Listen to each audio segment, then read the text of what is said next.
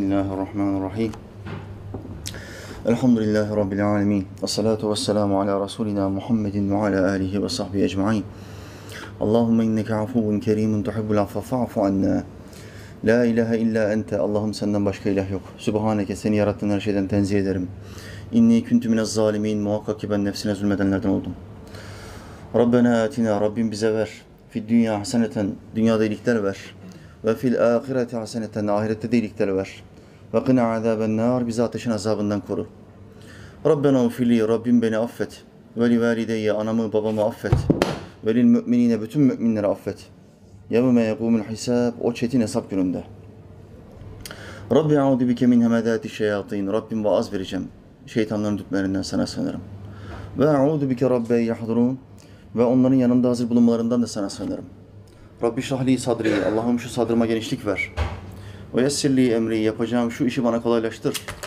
Ve ahlul ugdeten bil lisani. Şu dilimdeki düğümü çöz Allah'ım.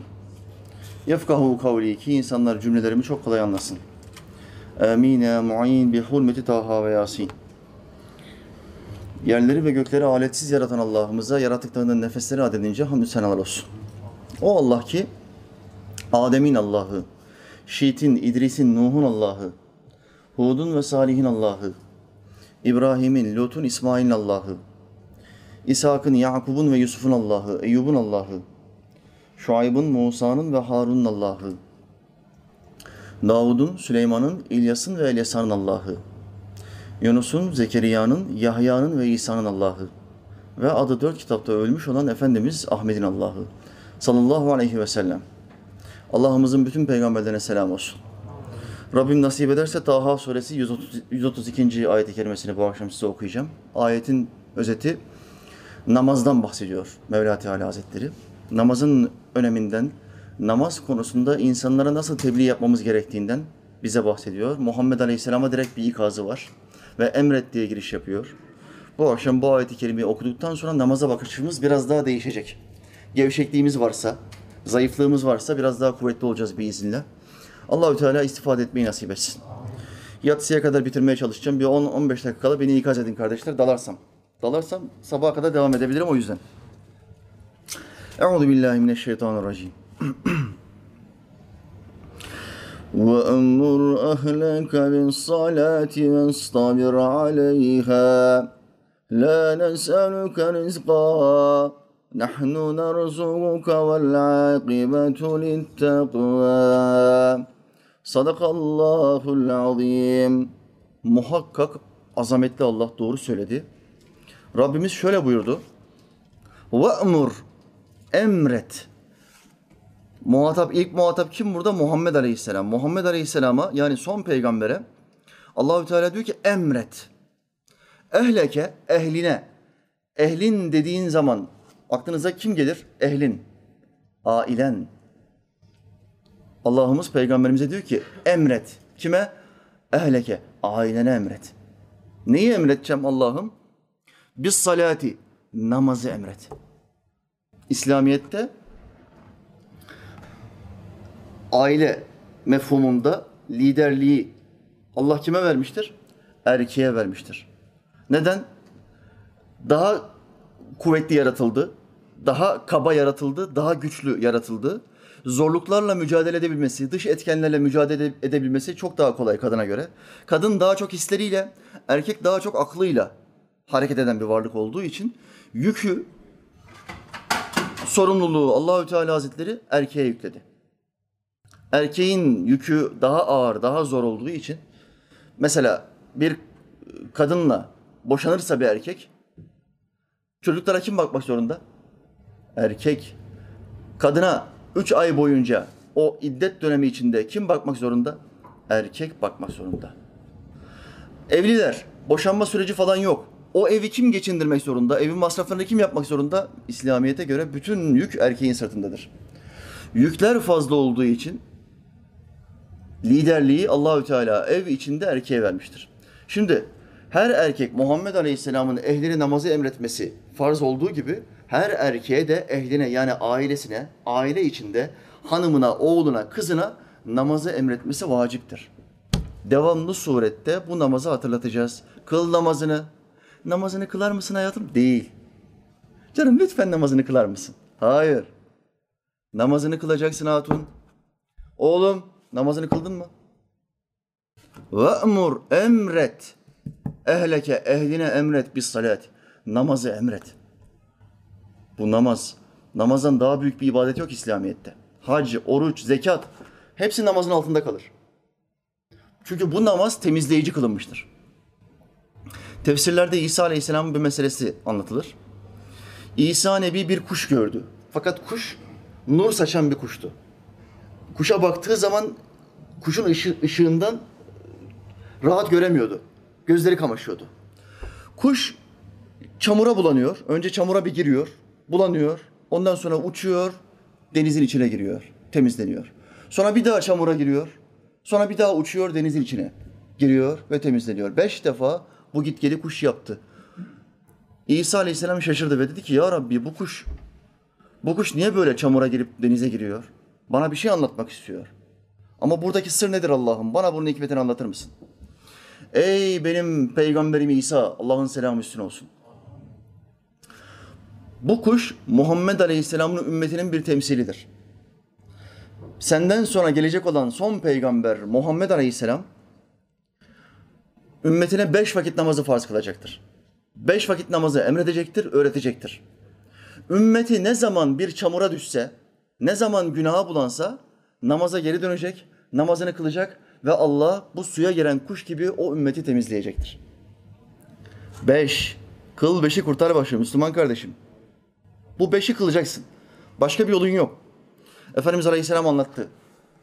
Sizden birinizin evinin önünden bir ırmak aksa ve evinin önünden ırmak akan kişi günde beş defa o ırmağa girip çıksa o adamda bir kir kalır mı?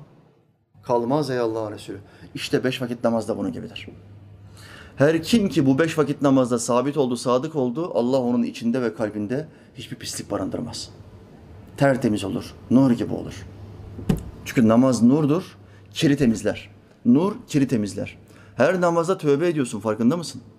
Her namazda iman tazeliyorsun, şehadet getiriyorsun, farkında mısın? Her namazda bir yenilenme yaşıyorsun. Elbiseni değiştiriyorsun. Günde beş defa elbisesini değiştiren bir adam ancak Cumhurbaşkanı değiştirir günde beş defa elbisesini. Sen Allahü Teala sana öyle bir nimet vermiş ki namaz denen bir nimet. Günde beş defa iman elbiseni yeniliyorsun. Tertemiz bir elbise giyiyorsun. Ve sen sana verilen bu nimet karşısında kayıtsızsın. Ben kılamıyorum diyorsun. Bazen kılıyorum, bazen kılamıyorum diyorsun. Böyle iş olur mu? Allah sana bir nimet verdi de sen o nimeti elinin tersiyle itersen diğer verdiği nimetleri de senden geri alır. Oruç nimetini geri alır, zekat nimetini geri alır. Hac nimetini sana bir daha yaşatmaz. Zikir nimeti, şükür nimeti senden alır. Sakın namaz nimetini terk etme. Bu namaz böyle bir şey. Allahü Teala Hazretleri emret diyor. Ailene bu namazı emredeceksin. Çocuğun sabahleyin e, ezan okunduğunda hanımın diyecek ki kaldırma. Çocuğu kaldırma okula gidecek o. İki saat sonra okula gidiyor. Sen ne yapacaksın? Hayır. Kalkacak bu çocuk buluğa erdi. Allah onu muhatap aldı. Ve Allahü Teala bana diyor ki ve'mur ehleke ehline emret. Ben nasıl kalkıyorsam, sen nasıl kalkıyorsun? Çocuğum da kalkacak, namazını kılacak. Bu tebliği yapacaksın, emrini yapacaksın.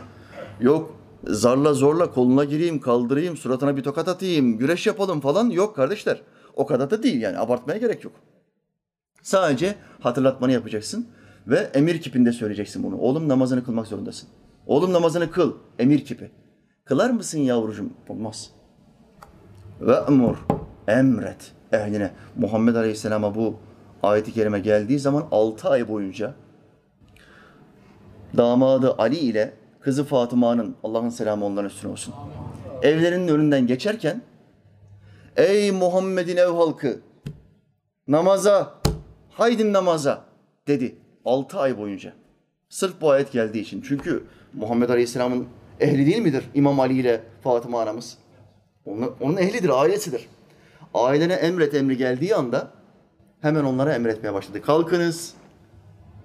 Tabi bu emri yaparken kendi ailen mevzu bahis, komşuna falan böyle bir emir yapamazsın. Sadece hatırlatmada yaparsın, tebliğde bulunursun. Limitlerini bilmen gerekiyor. Limitlerini aştığın zaman anormal durumlarla karşılaşabilirsin. Bizim biraderin başından bir hadise geçti. Bunu nakletmeden geçemeyeceğim.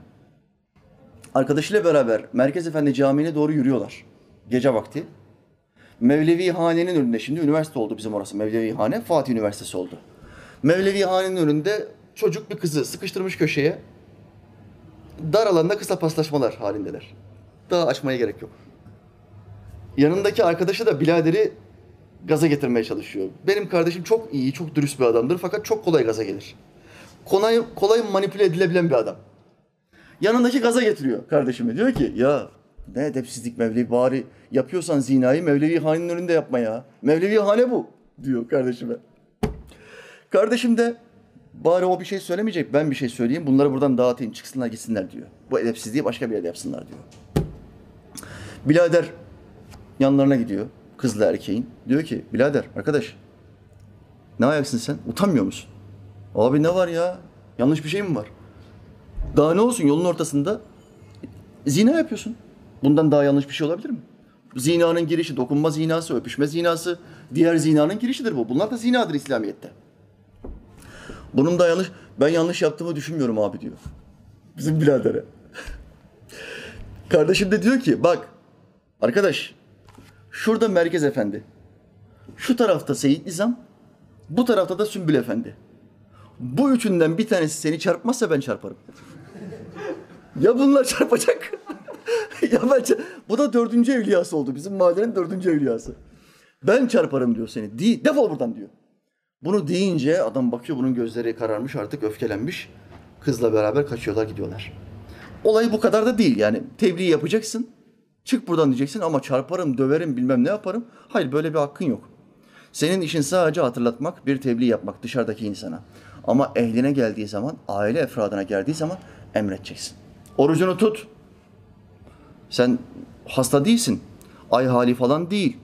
Yatmıyorsun da sağlığın yerinde hatun 30 yaşında sapasağlam kadınsın. Orucunu tutacaksın. Emret. Tutmadı artık onun bileceği iş. Yok ben tutmazsa ona ekmek vermem, evden kovarım. Hayır. Bunlar senin işin değil. Hatun tesettüre girmen lazım. Tesettüre gir. Örtünmeni istiyorum.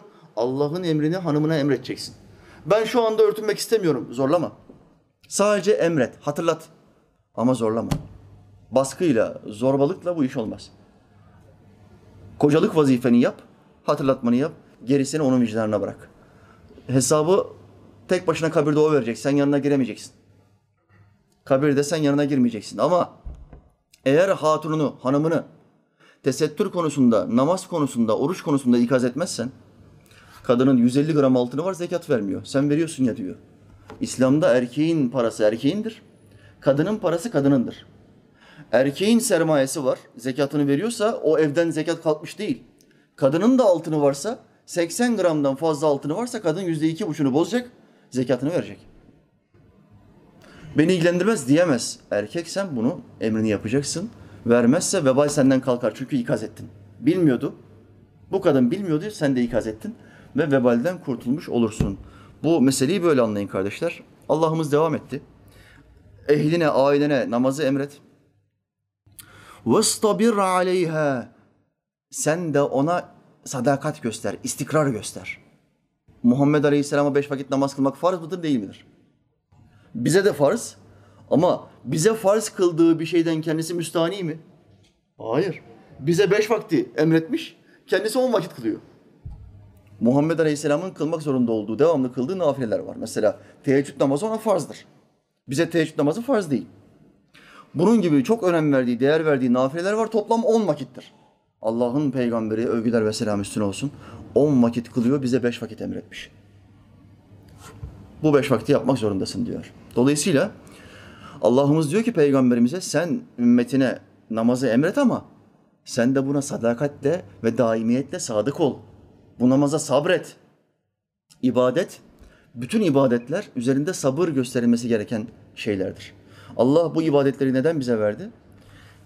Ahlaki olarak bizi olgunlaştırsın, sabrı bize öğretsin ve kulluğumuzu bize devamlı hatırlatsın. Namaz kılmayan bir adam kul olduğunu unutur. Namaz kılan bir adamdan daha fazla günah işler. Çünkü o artık kul olduğunu hatırlamıyor. O bir çok zengin olmuş. Bir nevi bir ilah gibi, yarım ilah gibi. Kimseyi takmıyor, kimseyi dinlemiyor. Müthiş bir kibir halinde. İbadet yaparsan kul olduğunu hatırlarsın. İbadet yapmazsan kibirlenirsin ve ilah olduğunu içten içe kendine deklare edersin. Kendine söylersin. Ve bu işte abartılı gidenler, aşırıya gidenler, Firavun gibi, Nemrut gibi adamlar artık bu içten içe olan kelimeleri dıştan söylemeye başlarlar. Ben Allah'ım, ben senin Rabbinden daha hayırlıyım ya Musa deyiverirler. Bu olmasın diye Allah bizi ibadetle mecbur kıldı. Bilirsiniz ki sözle yapılan nasihat önemlidir, güzeldir ama en önemli nasihat fiille, hal ile yapılan nasihattır.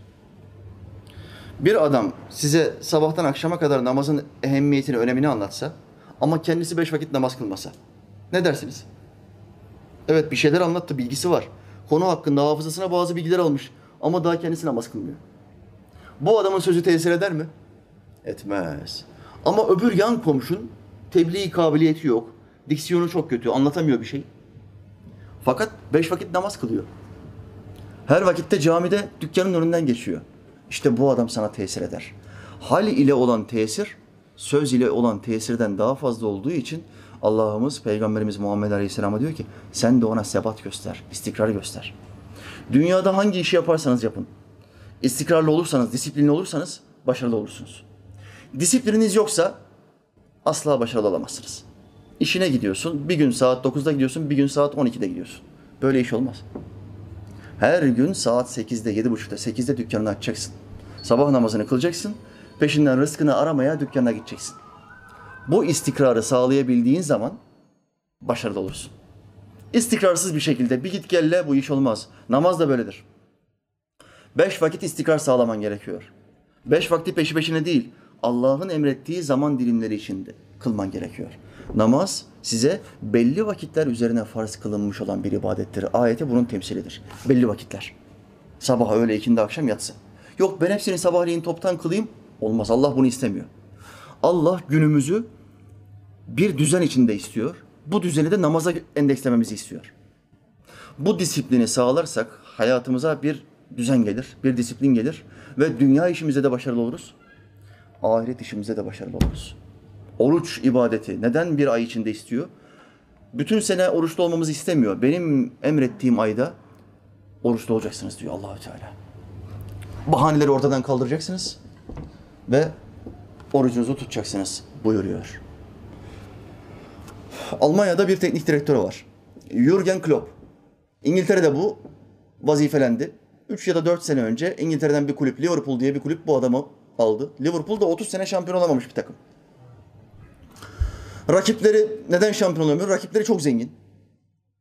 Chelsea gibi, City gibi, Manchester United gibi üst kalite Arap parası yiyen kulüpler. Bunlarla baş edemiyor. Şampiyon olamıyor. 30 sene kalmış. Gittiler ne yapalım? Disiplin yapalım. Madem bunlara karşı biz şahlara karşı şahları alamıyoruz. Bari piyonlarla mücadele edecek disiplinli bir adam getirelim başımıza. Almanya'da da başarılı olmuş bir adam var. Bu Alman'ı getirelim. Belki bizi düzeltir. Gittiler bu Jürgen'i aldılar getirdiler. Klopp da Alman hoca da 4-5 tane transfer yaptı. Bir tane birinci sınıf kaleci, bir tane birinci sınıf stoper aldı. İki tane de Müslüman aldı. Kanatları Müslümanlara verdi. Biri Muhammed, biri Mane. Dünyanın en iyi kanat oyuncularından. Ronaldo ile Messi burada, onlar burada. Bir tık altında. Müthiş adamlar. İkisi de kaliteli Müslümanlar. Ne oldu? İlk senesinde ligde yükseklere çıktı. İkinci senesinde Şampiyonlar Ligi'nde final yaptık, finalde kaybetti. Üçüncü senesinde Şampiyonlar Ligi'ni aldı. Bu senede 30 yıl sonra takımı şampiyon yaptı. İki Müslümanla. Bu adama sordular, bu Alman'a. Dediler ki, yine Ramazan geldi. Bu Müslümanlar da senin en etkili iki adamın, iki tane yıldızın. Her maçta golleri var, asistleri var. Oruç konusunda baskı yapacak mısın bunlara? Orucu yasaklamayı düşünüyor musun? Alman ne dedi? Jürgen, dünyada futboldan çok daha önemli şeyler var. Bu onların dini inancının gereğidir. Serbestler. Bugüne kadar hep verim aldım. Oruçluyken de verim aldım. Oruçsuzken de verim aldım. Bırak ibadetini yapsın adam dedi. İdmanlara bile bu iki tane Müslüman oruçla çıktı kardeşler. Trilyonluk adamlar bunlar. İdmanlarda bile o sıcaklarda e, su içmeden güneşin altında durmak zor bir şeydir. Su içmeden futbol idmanı yapmak çok çok zor bir şeydir. Bu adamlarda öyle bir iman var ki idmanlarda bile oruçlarını bozmadılar. Maç günü de oruçlarını bozmadılar. Ve ne oldu? Allah başarı verdi. Bakın bu İslam'a inanmayan üç tanrıcı bir Hristiyan. Jürgen Klopp. Ama saygısı var. Dini inanca saygısı var. Bizim ülkemize dönelim. Ülkemizdeki bir teknik direktöre sordular. Dediler ki Ramazan geliyor, oruç konusunda ne yapacaksın? Özellikle solcular bunu kaşırlar.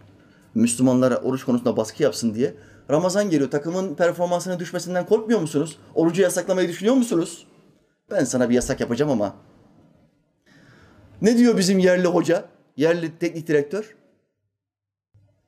Onların oruç tutmasına izin vermem. Futbolcularımın oruç tutmasına asla izin vermem. Günahları benim boynuma. Ne kadar evliya gibi adamsın sen be. Nasıl bir evliyasın? Günahları benim boynuma. İslam'da var mı kardeşler günahı benim boynuma? Hani biri bir günah işliyor. O günahı işlerken bu adamın faydasına olan bir işi yapmaya devam ediyor. Ve bu adam diyor ki sen işlemeye devam et o günahı. Günah benim boynuma. Varsa benim boynuma. Var mı böyle bir şey İslam'da? Yok. Sen nereden uydurdun bunu? Bu bizim yerli güya sözüm ona Müslüman hoca diyor ki günahları benim boynuma. Öbürü, öbür hoca da ne diyor? Biz onların yerine oruç tutarız. Onlar top oynasın. Biz onların yerine yemek yiyebiliriz diyor mu bu hoca? Yerli hoca. Güya yerli. Yerli ama milli değil. Burada doğmuş. Hasbelkader burada doğmuş. Yerli ama milli değil. Kalbi öbür tarafa ait. Kalbi üç tanrıcılara, kafirlere ait. İşini, dünyasını, ebedi hayatının önüne koyan düşük kapasiteli insanlar. Yerli hocalar. Bu yüzden Avrupa'ya çıktığı zaman Türk takımları ilk turda takla yapıyorlar bizi. Üç dört tane atıyorlar gönderiyorlar. Onlarda oruç serbest, bizde oruç yasak. Tutamazlar. Bu bizim kalitemizi gösteriyor. Müslümanlığımızın kalitesi. Adamın gavurluğu ortada ama dine saygısı var ve Allah başarı veriyor. Bizim Müslümanlar, dilde Müslüman, sözde Müslüman hep başarısızlık, hep hüsran. Milyonlarca euro harcıyorlar. Her sene Avrupa'ya çıkıyor bütün Türk takımları. Hepsi ilk turda takla yiyor. Tokadı yiyorlar, geri dönüyorlar. Hep aynı. Hiç değişmez. Bu istikrarsızlıktır. İstikrar sağlayabilmen için en evvel iman lazımdır. İnsanların inançlarına saygı göstermen lazımdır. Müslümansa bu adam inancına saygı göster. Bırak orucunu tutsun. Bırak tutsun. Serbest. Serbest yap. Allahü Teala bu yerli hocalarımıza da hidayet izan versin. Amin. Amin.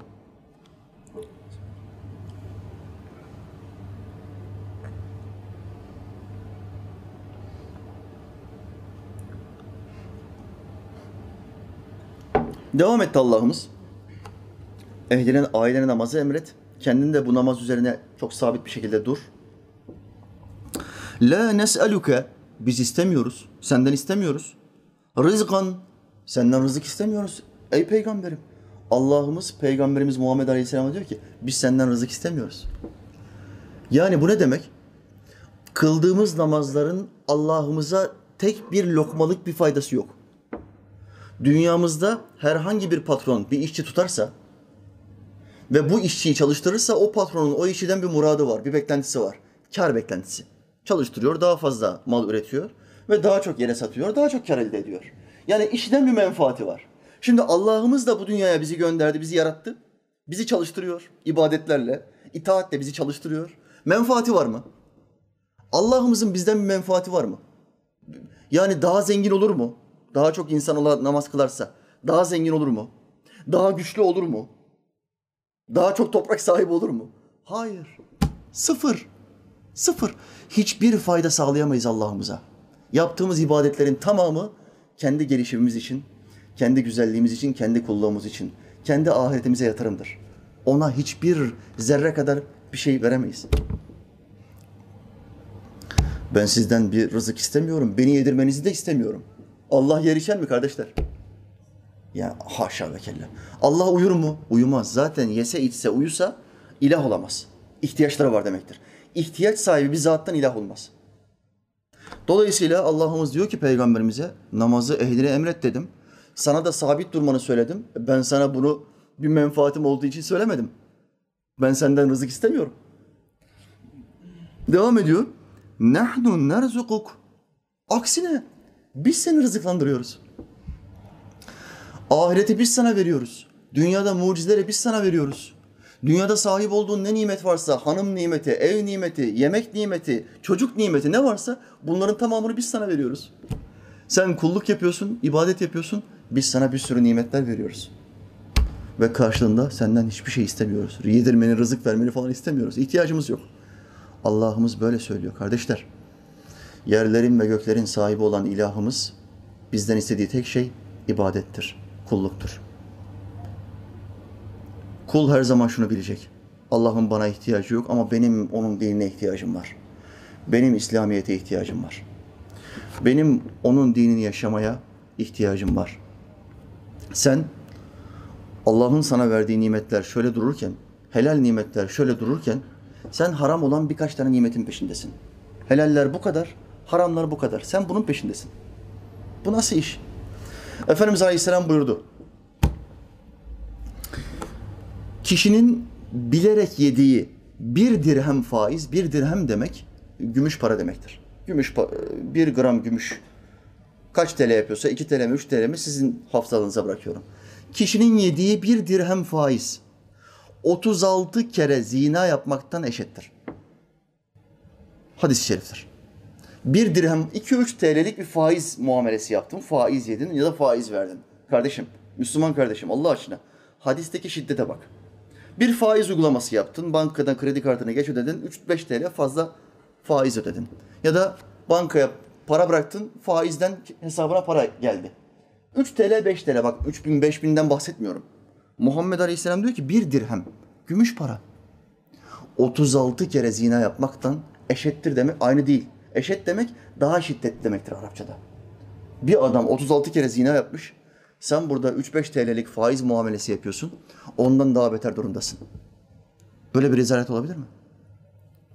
Durum bu kadar şiddetliyken, bu kadar kötüyken bir de Müslüman kardeşim, beş vakit namaz kılan kardeşim bankadan çıkıyor, selfie çekiyor ve diyor ki yeni evim için kredimi bankadan aldım.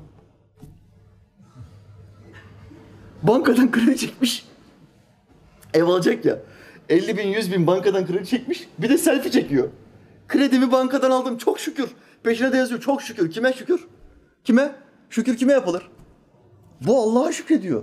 Bankadan faiz aldığı ve Allah'a küfrettiği için Allah'a şükrediyor. Şu ahmaklığa bakın.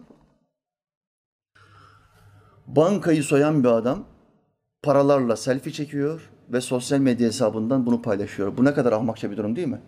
Banka soyuyor. Bankayı falanca bankayı soydum yarım saat önce. İşte burada paralar. Selfie çekiyor sosyal medya hesabında. Hemen paketlerler mi bu adamı? Hemen o anda paketlerler. Bankadan faiz almışsın ya da bir günah işlemişsin sosyal medya hesabında paylaşıyorsun ve diyorsun ki Allah'a çok şükür faiz paramı da aldım. Allah senin zihnine izan versin. Allah sana akıl fikir versin. Şu rezalet, şu ümmetin geldiği rezil boyuta bakınız ya. 36 kere zina etmekten eşittir diyor Muhammed Aleyhisselam. İşte faiz böyle bir uygulama. Böyle bir uygulama. Bu uygulamadan kaçabilmen için emredeceksin, ehline emredeceksin. Faizden uzak dur. Hocam babam araba almak istiyor fakat ona banka kredi vermediği için ben de bir memur olduğum için benim adıma kredi çekmek istiyor. Çok sorulan suallerden bir tanesidir. Benim adıma kredi çekmek istiyor. Baba hakkı olduğu için ben de karşı gelemiyorum. Baba hakkı mı üstün, Allah hakkı mı üstün? Seni baban mı yarattı, Allah mı yarattı? Baban senin saçının telini yapamaz. Saçının telini yapamaz. Allah sana iki tane göz verdi. Burun verdi, nefes alıp veriyorsun. Ciğerler verdi, akıl verdi. Ayaklarınla işe gidiyorsun. Allah'ın verdiği bir bedenle yaşıyorsun ve diyorsun ki babamı kırmayayım, Allah'a savaş açayım. Senin zeka seviyende büyük bir düşme var. Allah bu millete hidayet versin kardeşler. Amin, amin. Alıyorlar. O kadar alay ediyorlar ki Müslümanlarla. Bakın öyle bir alay ki Ertuğrul Gazi rolünü oynayan adamı alıyorlar. Faiz reklamına koyuyorlar. Bütün ümmetin üstüne titrediği, sevdiği adam Ertuğrul Gazi rolünü oynamış. Bizim dünyaya nasıl hükmettiğimizi anlatan Müslüman bir adam bu. İnançlı bir adam. Alıyorlar bu adamı özellikle faiz reklamına koyuyorlar. Şu bankaya gidin size bu kadar faiz veriyor. Oğlum sen Ertuğrul Gazi'ydin. Sen namaz kılıyordun. Faizle savaş et, ettiğin için ellerini açmıştın. Üç tanrıcılara karşı kılıç sallıyordun. Hepsine düşmandın sen. Şimdi faiz reklamı yapıyorsun. Allah aşkına bu role seçtiğiniz adamlara da bir şuur verin, bir ufak bir İslami şuur verin ya. Böyle alay edilmez Müslümanlarla. Öbür adamı almışlar Osman'ı. Osman'ı da almışlar faiz reklamına koymuşlar. Hem er Ertuğrul faizci hem Osman faizci. Allah'ım ya Rabbim şu millete şuur ver ya Rabbim. Şu rolü oynayan kardeşlerimize de şuur, izan ver ya Rabbi. Sen nasıl bu rolde oynarsın ya? Faiz Allah ve Resulüne savaş açmak demektir. Allah'ın kitabı söylüyor. Sen nasıl Allah'a ve Resulüne savaş aç? Senin etin ne budun ne? O kılıcı, üç tanıcı Haçlılara sallayabilirsin. Allah'a kılıç sallanmaz. Allah'a kılıç sallayamazsın. Kılıca yumruk atılmaz. Kurşuna döner tekme atılmaz. Dur kurşuna bir döner tekme atayım sektireyim ona gitsin. Böyle bir şey olmaz. Hayal kuruyorsun. Bu neden kaynaklanıyor? Cehaletten kaynaklanıyor. Bu insanlar hayatları boyunca hiç Kur'an kursuna gitmemişler. Hayatları boyunca oturup bir hocanın dizinin dibinde İslam nedir bana bir anlat ya dememişler. Vakitleri olmamış. Çok daha önemli işlerden. Vakitleri olmamış. Olmayınca da böyle tuzağa düşürmüşler. Mevla Teala şuur versin, akıl izan versin. Amin ya. Tam aksine biz seni rızıklandırıyoruz.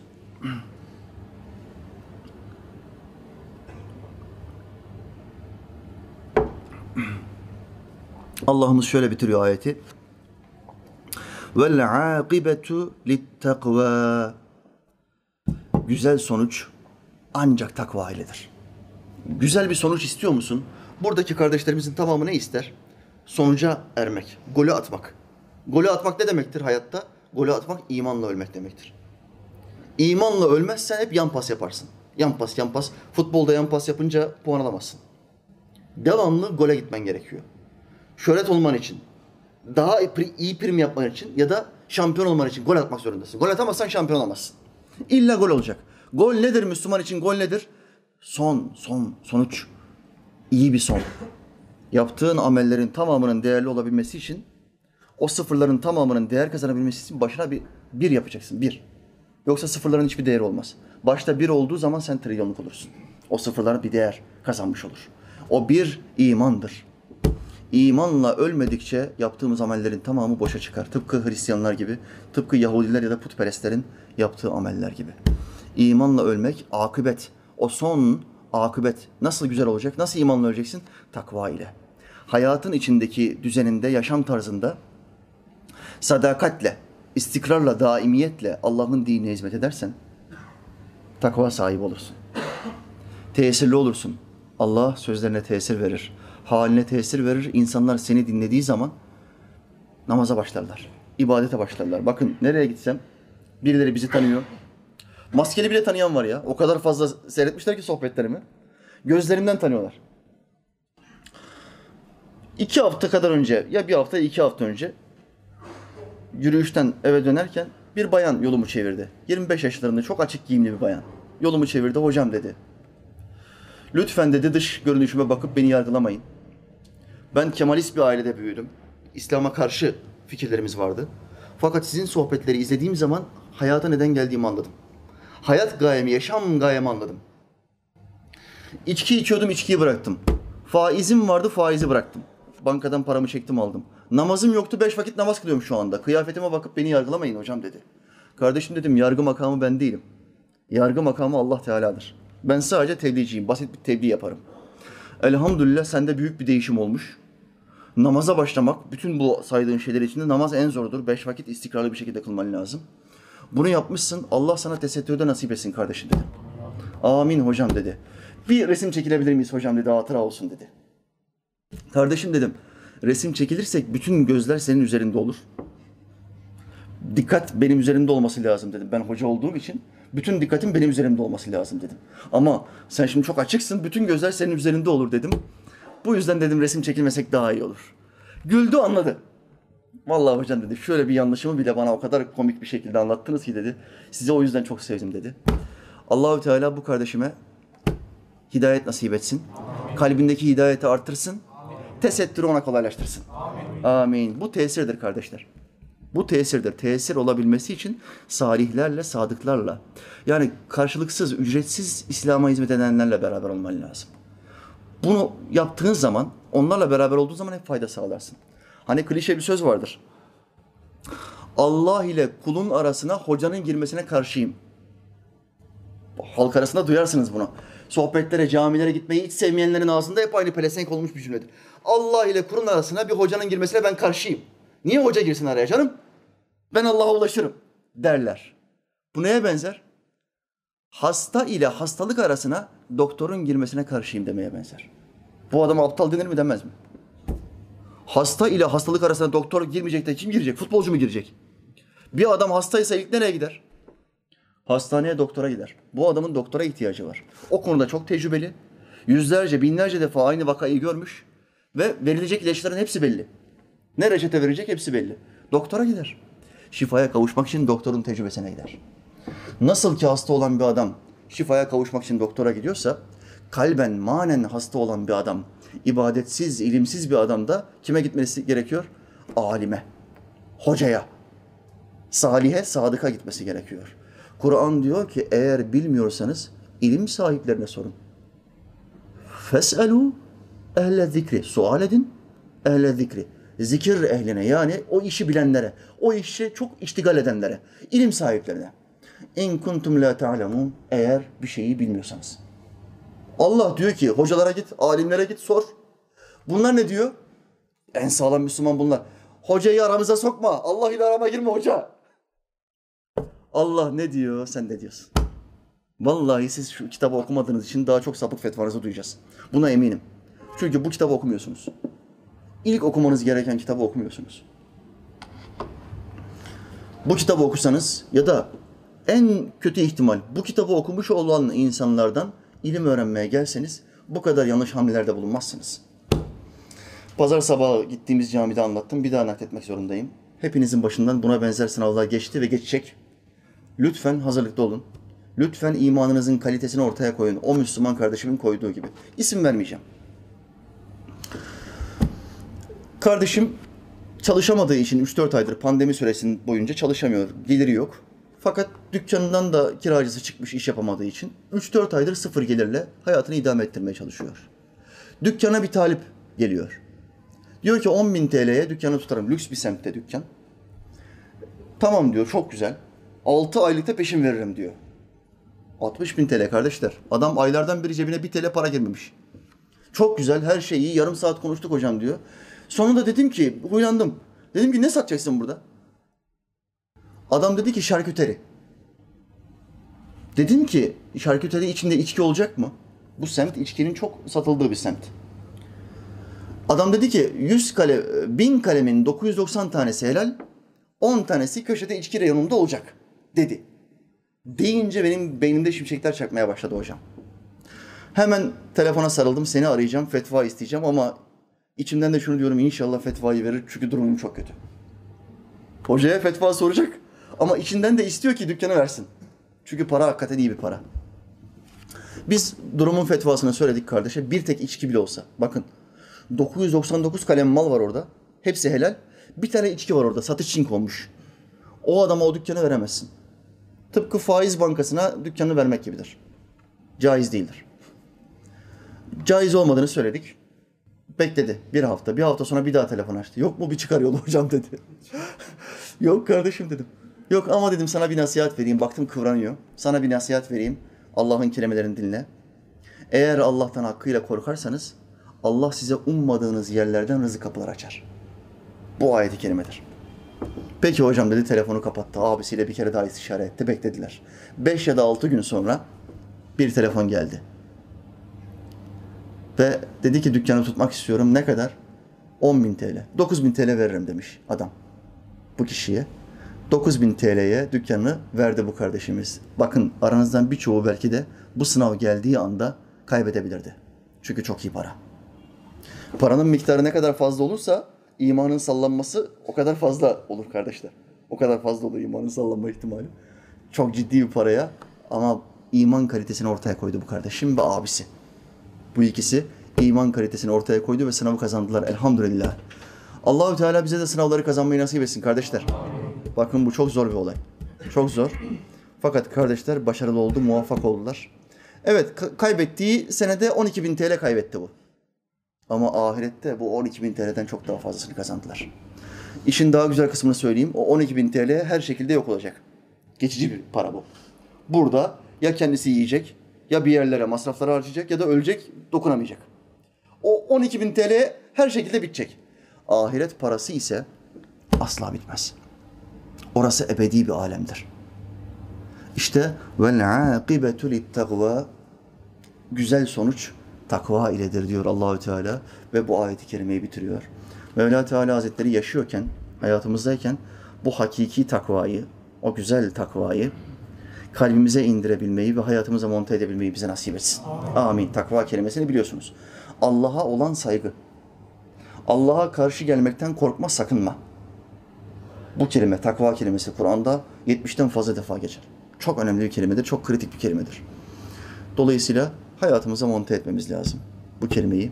Mevla Teala bizi muzaffer etsin kardeşler. Abdülkadir Gelen Hazretleri'nin bir söz okuyacağım. Çok kaliteli bir söz. Çok kıymetli bir söz. Nerede olduğumuzu, iman seviyesi, seviyemizin nerede olduğunu anlamamız açısından bir mikyastır. Diyor ki mübarek zat, sıradan insanların orucu yalnız gündüz, ariflerin orucu ise gece ve gündüzdür. Bizim gibi sıradan Müslümanların orucu ne zaman başlıyor?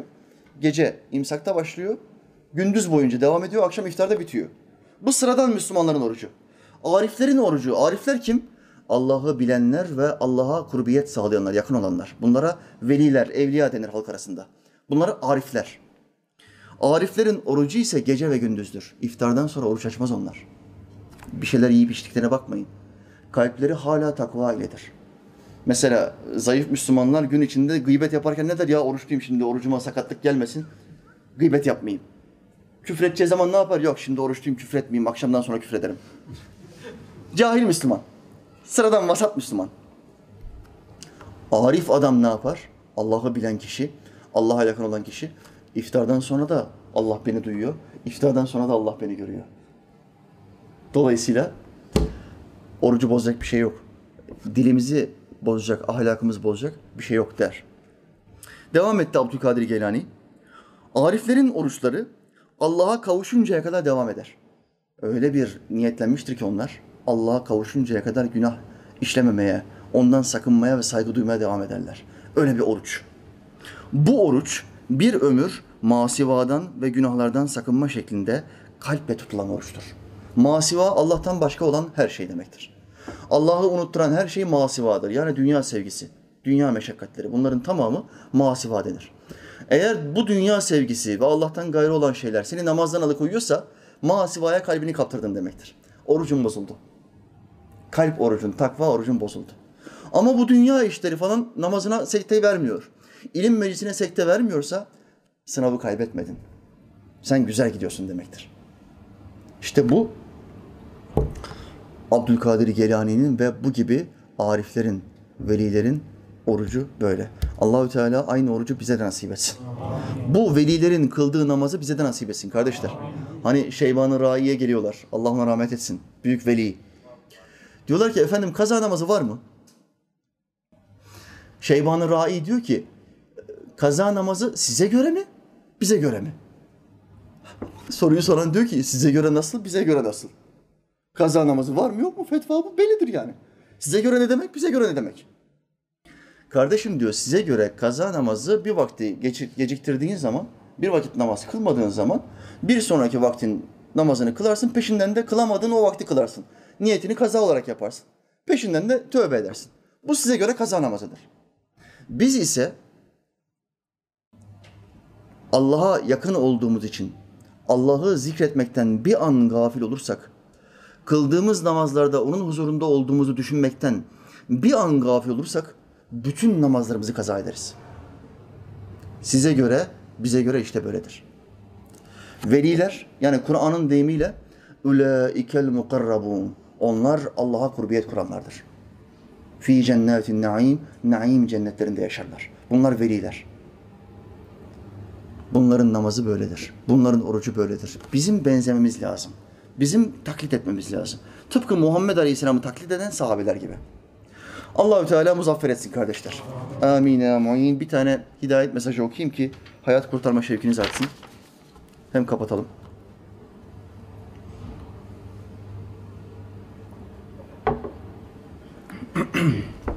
Hocam, Ben lise son sınıf öğrencisiyim. İlk dönem sınıfta çok gürültü olduğu için okuldan ayrılıp açık liseye geçtim. Okuldan kalan sürede Kur'an'a pek zaman ayıramıyordum. Ama açık liseye geçtikten sonra evde namaz kılıp Kur'an okumaya zaman ayırabiliyorum. Ayrıca okulda ders çalışırken sürekli sıkılıyordum. Hayattan zevk alamıyor, sürekli umutsuzluğa kapılıyordum. Fakat Kur'an okumaya başladıktan hemen sonra hayattan zevk almaya hem de daha çok ders çalışmaya başladım. Bakın Kur'an okuma adamın hayatına istikrar vermiş. Kur'an okumayı bilmeyen kardeşlerim dinlesinler bunu. Bu çocuğun hayatından ibret alsınlar. Hayatına istikrar vermek istiyor musun? Dünya işlerinde de başarılı olmak istiyor musun? Kur'an okumasını öğren. Allah'ın kelimelerini, orijinal kelimelerini öğren ve onunla konuşmaya başla. Çünkü Kur'an okumak Allah ile konuşmaktır buyuruyor Muhammed Aleyhisselam. Daha çok hayattan zevk almaya başladım diyor Kur'an okumaya başladığım zaman. Önceden hemen bitse de kurtulsam dediğim derslere şimdi zevkle çalışıyorum. Hocam sizin sayenizde Kur'an'ın mucizesini keşfettim ve sohbetleriniz de çok iyi geliyor.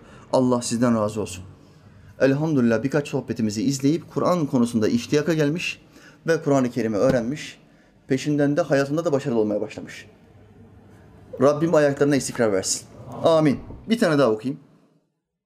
Hocam ben de birçok insan gibi internette dolaşırken sizin videolarınızdan biriyle karşılaştım. Bir hocayı internet üzerinden dinlemek hiç adetim değil. Ama sizin sadeliğinizi ve samimi bulduğum videolarınızı izlemeye devam ettim. Daha önce namaz kılıp Kur'an-ı Kerim okuyan ben, başıma gelen birkaç musibetten sonra İslam'dan çok uzaklaştım. Hiç yapmam dediğim günahları yapmaya başladım. Kardeşler birkaç musibet gelince başında Allahü Teala bu musibetleri neden başına verir? Daha fazla kendisine dönmen için başına verir. Sen ise tam aksine uzaklaşmışsın. Sınavı kaybettin. Sınavı kaybettin.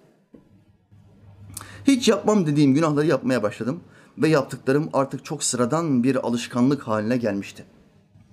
Ama bir yandan da yaptığım günahlarıma şaşırıyor, ben bu değilim diyor ve beni rahatsız eden bir sızı hissediyordum. İçten içe bakın vicdan denen bir mesele var. Muhakkak rahatsız eder bu. Çok şükür ki sizin videolarınız ve esprili ama kesin konuşmalarınız en önemlisi ehli sünnet hocası olmanız sayesinde birçok videonuzu izledim.